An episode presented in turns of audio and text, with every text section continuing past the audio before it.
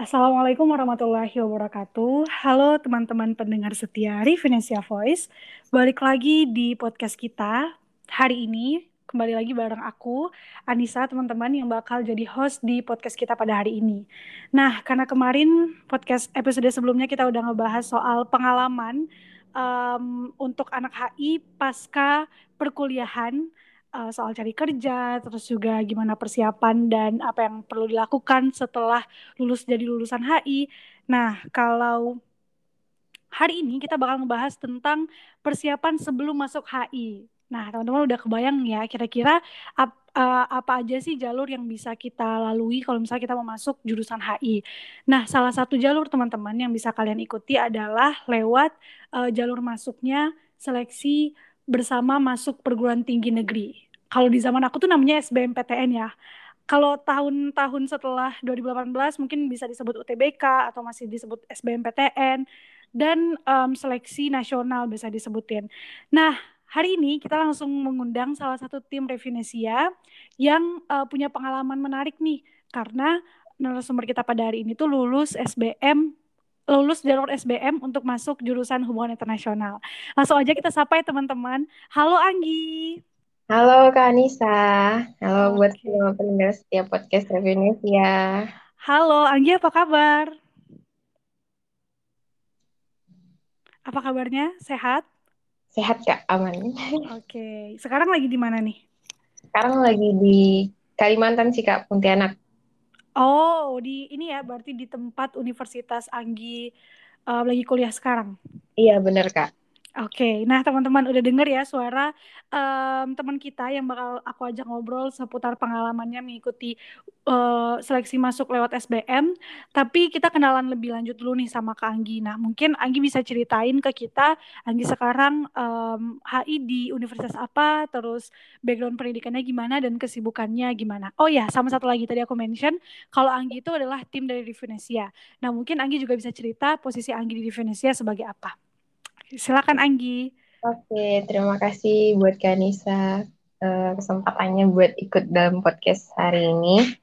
Uh, perkenalkan, nama aku Anggi Putri. Aku salah satu mahasiswa hubungan internasional di Universitas Tanjung Pura, tepatnya hmm. di Pontianak, Kalimantan Barat. Dan saat ini sedang menempuh pendidikan S1 di semester 5. Dan Alhamdulillah saat ini juga telah menjadi salah satu editorial staff di Reviewnesia. Oke, oke teman-teman. Jadi tadi udah di-mention ya sama Anggi kalau Anggi ini mahasiswa semester 5 di Universitas Tanjung Pura jurusan Hubungan Internasional. Nah, um, tanpa berlama-lama lagi langsung aja nih kita ngebahas soal seleksi jalur masuk SBMPTN. Um, waktu itu eh kalau di Anggi sebutannya SBM atau udah berubah nih? Jadi apa gitu sebutannya di di waktu Anggi seleksi tahun berapa? 2019 eh, sih Kak. Harusnya okay katanya udah UTBK tapi kita sebut SBMPTN aja deh. Kan umumnya kayak gitu gitu kak. Oh tapi di 2019 udah udah ini ya udah keluar pencetusan nama UTBK itu ya? Ah udah kak udah. Oke. Okay. oh berarti Anggi ikut di tahun 2019 waktu itu um, ikut SBM di mana Anggi tesnya? Uh, dari daerah saya sih kak daerah asal Padang Sumatera Barat. Oh dari Padang ikutnya dari Padang um, berarti tesnya juga di Padang gitu ya. Iya. Terus uh, waktu itu ngambil SBM ngambil bidang apa? Uh, sosum nggak, fokus ke sosum aja. Oh fokus ke sosum. Tapi um, Anggi sebelumnya emang jurusan dari sosum atau gimana nih? Sebelumnya jurusan aku IPA kak. Jadi aku lindur. Oh oke. Okay. Nah ini menarik sih menurutku ya untuk uh, teman-teman HI ketahui karena sebenarnya jujur kayaknya lumayan banyak sih kalau dari teman-temanku juga ya biasanya anak IPA terus karena udah capek sama pelajaran IPA di waktu SMA akhirnya linjur ke jurusan-jurusan soshum. Nah waktu itu kalau boleh tahu Anggi kenapa um, akhirnya memutuskan untuk linjur dan milih HI? Uh, eh, waktu itu karena ngerasa uh, mikir dari jurusan-jurusan IPA tuh kayak aduh berat banget gitu loh kak. Sedangkan I see. belajar IPA-nya ya di SMA lah kak. Kadang guru masuk, kadang enggak. Terus rasanya mau masuk ke jurusan IPA juga tuh juga jenuh banget gitu loh kak. Mm -hmm. udah jadi memutuskan untuk jadi anak sosum aja dah gitu Uh, terus uh, sosum kenapa spesifik ke HI itu? Uh, spesifik ke HI itu sebenarnya juga awalnya bingung sih kak pas uh, mutusin mau ngambil sosum uh, mau ambil apa ya gitu.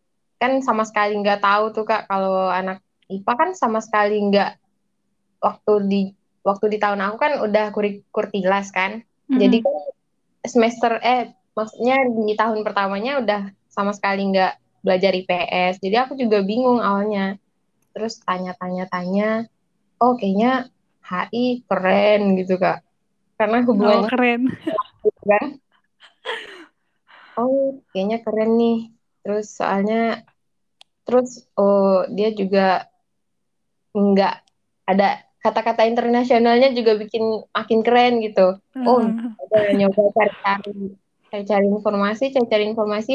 Oh, kayaknya cocok deh di HI gitu. Ya udah, abis itu baru ngutusin buat ini kak, buat ambil HI. Ambil HI, oke. Okay. Waktu um, SBM kemarin itu boleh milih boleh milih apa kan pilihan ada pilihan-pilihan jurusan sama univ gitu ya nah itu ada berapa pilihan tuh yang tersedia dan kamu milih apa waktu itu? Oh, sebelumnya aku kan gapir kak, jadi aku ah, uh, uh. Sebelumnya aku juga pernah ngambil campuran, yang tes campuran. Aku dulu pernah lulus di psikologi Universitas Negeri Padang. Oh, waktu ikut tahun 2018 berarti ya? Nah, mm -hmm. itu aku pas uh, waktu itu masih bisa ambil di tiga universitas satu-satu jurusan gitu kan. Mm. Terus buat tahun 2019-nya cuma bisa di uni, dua universitas, satu, satu di universitasnya dua jurusan, yang satunya lagi satu jurusan atau sebaliknya gitu. Oh, oh.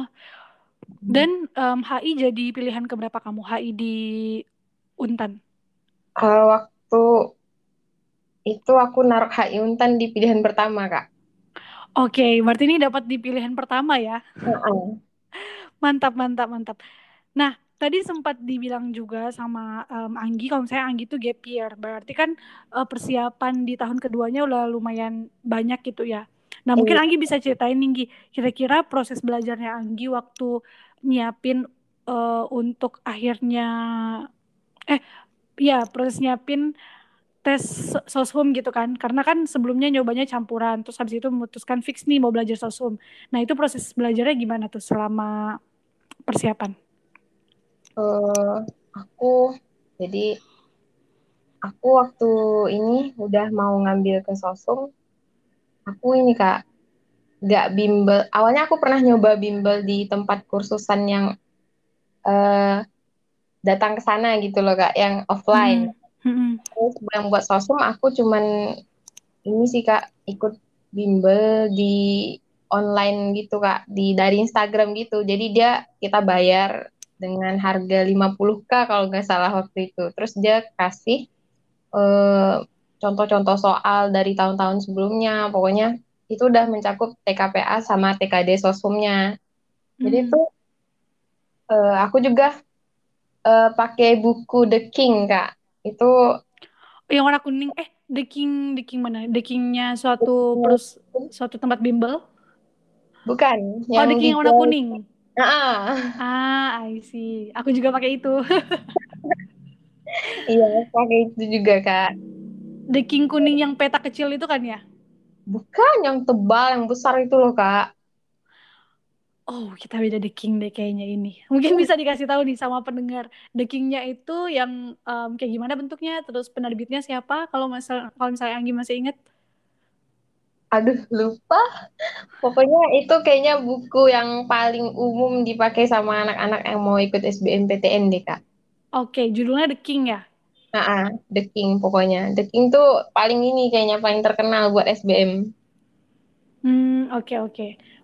Terus um, gimana? Berarti kamu uh, bela kamu proses belajar itu dua ya? Ada yang bimbel online sama satu lagi kamu belajar pribadi gitu kan, belajar sendiri pakai buku soal. Nah, itu kamu menerapin belajarnya gimana tuh setiap hari?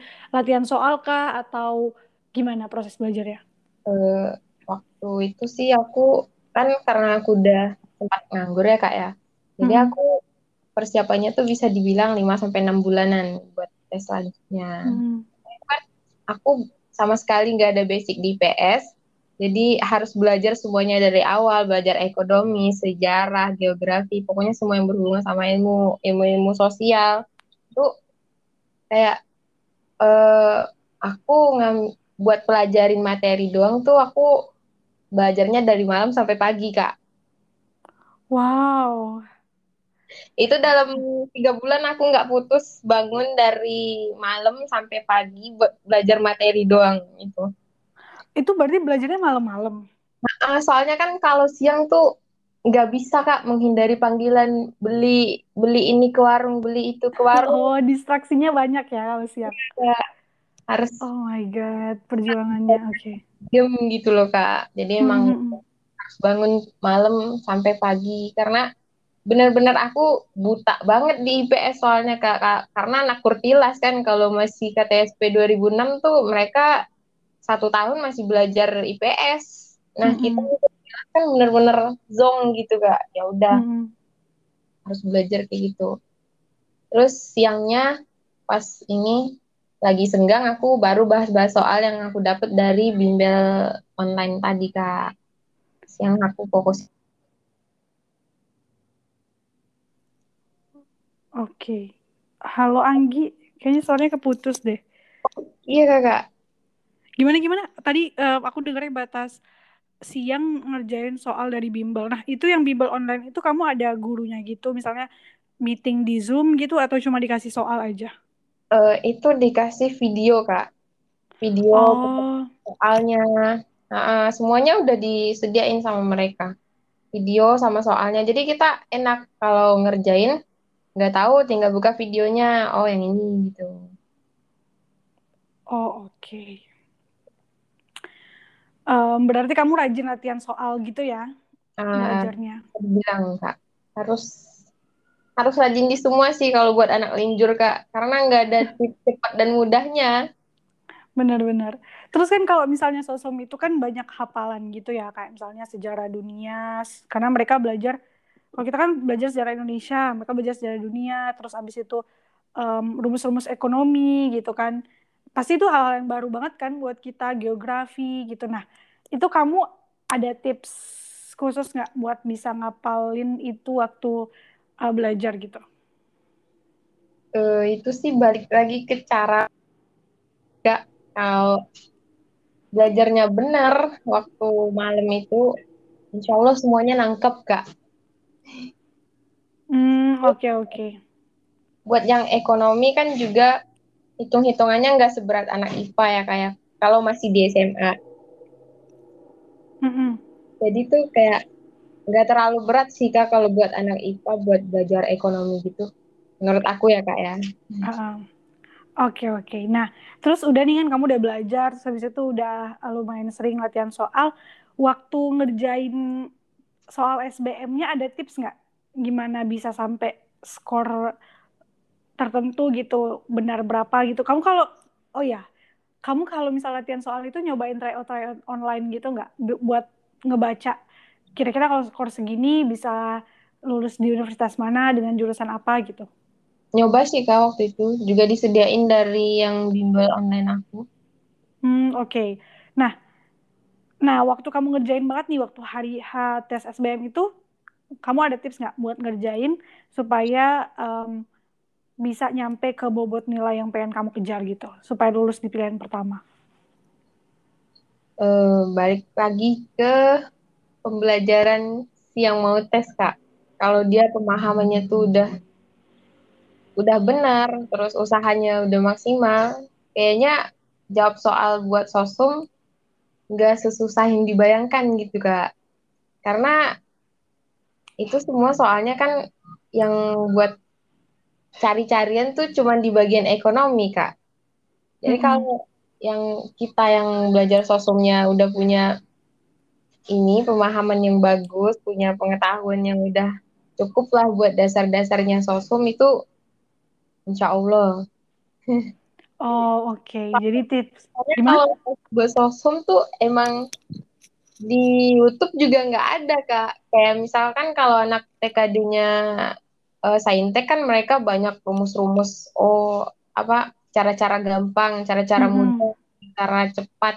Kalau anak sosum ya eh, mereka harus ini kak, mereka harus punya pengetahuan masing-masing buat Mm-hmm. jawabnya gitu loh kak. Jarang banget ditemuin tips-tips buat jawab soal dengan mudah dan cepat buat anak Mm-hmm. sosum. Menurut aku gitu sih kak kemarin juga. Oke, okay. iya sih aku setuju banget ya sebagai anak yang pernah nyoba SBM walaupun gagal. Kalau kalau anak kalau anak sosum itu kuncinya adalah di pengetahuannya harus luas dan banyak gitu. Karena ya aku setuju banget katanya Anggi tadi, kita harus eh sebenarnya anak sosum itu harus banyak baca gitu. Karena sebenarnya soalnya itu ya itu-itu aja yang diulang, misalnya seputar perang dingin gitu kan. Tapi yang tahun tahun sebelumnya itu yang ditanya tokohnya, tahun ini yang ditanya tahunnya gitu atau negaranya gitu-gitu kan. Berarti setiap topik dalam sosum itu ya harus dibaca, dipelajarin, dihafal dengan sangat luas gitu biar apa pun bentuk soalnya, apa pun yang bakal keluar, kamu udah per, udah punya pengetahuannya. Gitu ya kurang lebih Gi. Iya, benar banget kan. Oke. Okay. Nah, terus aku tertarik nih ke Anggi yang milih jurusan dan kampus di um, Universitas Tanjung Pura, Kalimantan. Nah, padahal Anggi dari Padang gitu kan, dari Sumatera. Nah, apakah ini ada korelasinya antara um, pertimbangan kamu milih SBM kayak, hmm, kayaknya kalau aku milih di luar pulauku lebih lebih punya kesempatan atau gimana? Uh, seputar pemilihan tempat dan ini tuh sebenarnya banyak mitosnya nggak sih kak? Iya. benar-benar uh, kayak uh, ada yang bilang selagi takdirnya bagus ya udah pasti keterima ada yang bilang pinter pun kalau uh, loncat daerah itu nggak bakalan keterima katanya gitu loh kak misalnya kayak hmm. aku dari Padang masuk ke Jawa itu minim banget peluang buat lulus di sana gitu loh kak mm -hmm.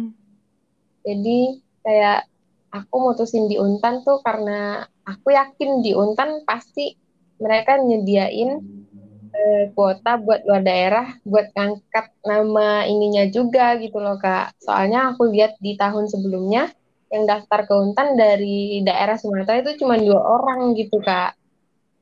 Jadi dan aku mereka kata, lulus? Ah, kayaknya lulus sih kak. Kalau nggak salah tuh lulus mereka kak. Hmm. jadi ya udahlah aku juga maulah coba ambil aja di di HI Untan atau sama-sama HI ya kampus mah sama aja. Itu hmm. penting dari kitanya gitu kan kak? Hmm, benar-benar um, ya gimana?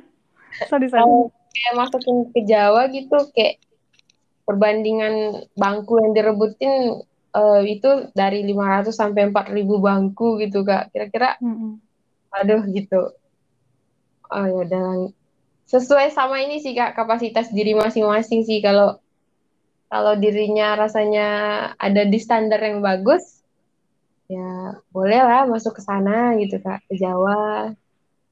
Tapi kalau standar dirinya eh bagus juga cuman buat berada di sana tuh masih kurang ya kayak saya. Makanya saya ngambil di daerah sini gitu loh kak. Hmm.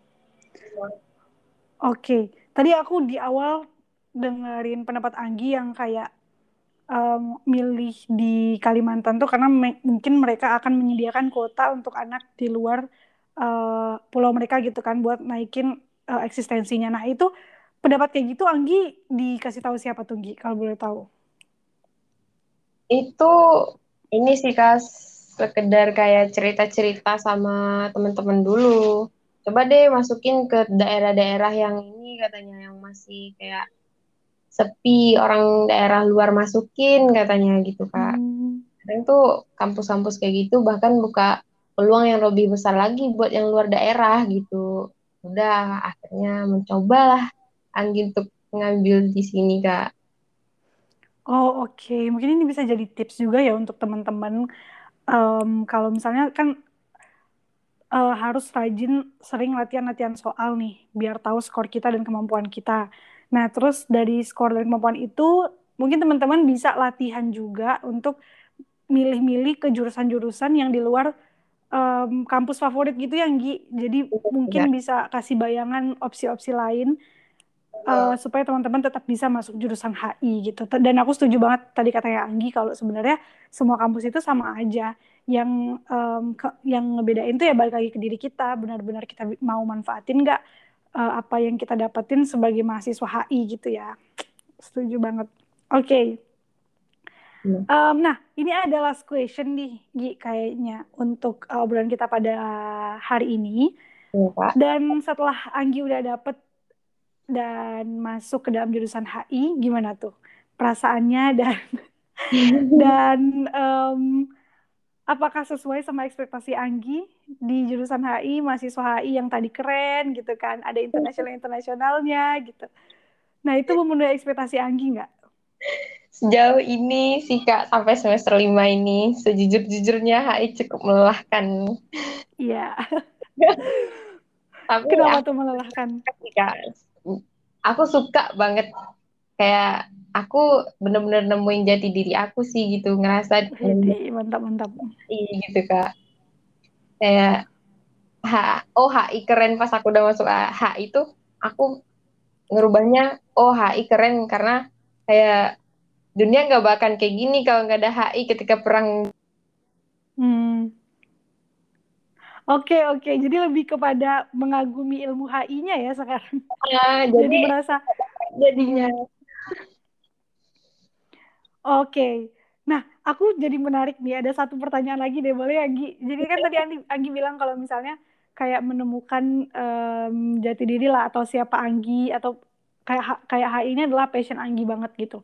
Nah, mungkin Anggi bisa spill nih ke teman-teman. Kira-kira menurut Anggi ya dari pengalaman Anggi udah udah lima semester nih di HI. Sebenarnya um, orang yang seperti apa sih yang kira-kira cocok di HI gitu? Karena banyak juga kan orang yang uh, ngelihat HI itu adalah jurusan yang oh kayaknya jalan-jalan terus kayaknya um, enak banget gitu kan cus-cus yang penting bisa bahasa Inggris gitu. Nah begitu masuk mereka shock karena HI itu sangat kental sama politik sama sejarah uh, dunia sama uh, ilmuwan-ilmuwan sama pemikiran-pemikiran klasik gitu kan. Nah jadi akhirnya mereka shock dan akhirnya nggak bisa bertahan di jurusan HI nah menurut Anggi kira-kira orang yang seperti apa sih yang cocok di jurusan HI? Mungkin bisa jadi pencerahan untuk teman-teman SMA yang uh, kira-kira mempertanyakan kira-kira jurusan HI aku banget gak ya gitu. Coba gimana tuh menurut Anggi? Uh, menurut aku sih kak ya. hmm Aku sebenarnya benci banget kak sama politik. Kenapa tuh? Karena mungkin ini ya kak ya, kayak banyak, politik tuh identik sama masalah nggak sih kak? Mm-mm. Mm. Negara itu sendiri gitu politiknya, aduh males gitu, males lah di dunia politik gitu nggak suka gitu loh kak. Eh mm. tahu masuk KI, eh politik semua ternyata. politik internasional lagi ya? Iya. Complicated. Ha-ha. Oh ya udah berarti, tapi sekarang udah suka banget gitu kak sama politik. Jadi kayak orang yang cocok buat masuk HI itu yang benci politik kayaknya coba deh masuk HI gitu kan. Mana tahu nantinya oh ternyata pas dia nemuin di dalam HI nih politik yang kayak gimana yang dibahas di dalam HI, hmm, makan kesemsem kayaknya sama HI. Oke, okay. karena iya iya iya, aku setuju sih ini benar-benar. Karena kalau misal kita belajar politik di HI itu tujuannya jelas ya. Kita pengen nah. adanya perdamaian gitu kan. Jadi politik ini tuh sebenarnya cuma alat supaya sampai pada apa yang diimpi-impikan sama anak HI gitu, kesejahteraan masyarakat dunia gitu kan ya.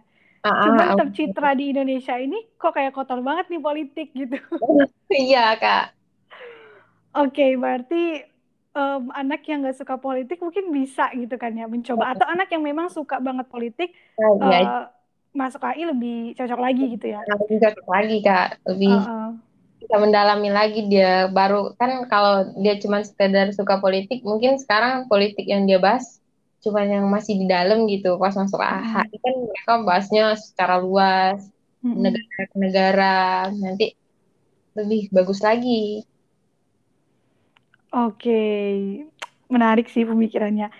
Nah, teman-teman, um, gak kerasa ya ternyata udah 26 menit kita ngobrol dengerin pengalamannya Anggi soal SBMPTN, terus juga um, pengalaman Anggi di jurusan hubungan internasional. Nah, karena udah 26 menit, udah beberapa menit teman-teman, kita udah berada di penghujung podcast ini. Nah, mungkin aku mau tanya nih sama Anggi untuk last statementnya, kira-kira uh, secara singkat aja, Nggi, ada pesan-pesan nggak untuk teman-teman yang mau masuk jurusan HI, um, khususnya lewat jalur SBMPTN? Silakan, Anggi. Uh, buat teman-teman yang mau ngambil jurusan HI, pastiin dulu kalian benar-benar suka HI, jangan cuman ikut-ikutan teman-teman. Oke. Okay. Usahanya juga harus dimaksimalin kalau benar-benar pengen duduk di bangku HI mulai dari kalian selesai uh, eh, UN eh UN masih ada nggak sih kak uh, diganti jadi ujian nasional ber, eh, ujian sekolah berbasis nasional setauku tapi nggak tahu deh karena beberapa saat tuh ada perubahan-perubahan gitu kan iya kak biasanya kan hmm. SMA habis ujian kayak gitu oh mau main-main gitu loh kak kayak hmm coba kalau pengen di HI ya bener-bener harus usaha dari selesai urusan SMA. Jadi mm -hmm. mudah-mudahan dapat langsung duduk di HI di tahun pertama nyoba SBM-nya. Itu aja sih kak. Oke, oke. Wow, pesannya um, keren banget ya teman-teman. Jadi tadi kalau misalnya mau masuk HI itu benar-benar harus karena diri kamu gitu kan nggak nggak ikut ikutan dan memang tahu gitu ini penting banget sih mungkin ya aku juga uh, menyimpulkan dari apa yang disampaikan sama Anggi tadi kalau mau masuk HI itu kita harus benar-benar cari tahu sebenarnya HI itu belajarnya tentang apa karena ada banyak asumsi-asumsi yang uh, membuat anak HI yang membuat anak HI itu kaget gitu begitu dia sudah di semester agak rada atas gitu kan awal-awalnya ya ya nggak apa-apa lah belajar basic soal soal ekonomi basic sosial gitu tapi lama-lama kan kayak katanya Anggi tadi kita akan semakin sering bahkan hampir tiap hari di matkul kita itu ngebahas soal politik internasional. Nah, terus tadi Anggi juga bilang kalau mau masuk HI itu uh, usahanya harus maksimal. Aku setuju banget karena HI itu adalah salah satu jurusan sosum yang um, incaran banyak orang ya teman-teman. Kalau incaran banyak orang berarti saingannya juga banyak. Kalau saingannya banyak berarti um, orang-orang dengan saingan orang-orang juga pasti berlomba-lomba untuk sampai di sana, usaha mereka juga pasti maksimal. Nah, jadi kita harus bisa uh, seenggaknya sama maksimalnya usaha kita sama teman-teman kita yang juga mau masuk HI gitu. Nah, kurang lebih gitu deh um, kesimpulan dari obrolan kita pada hari ini, teman-teman.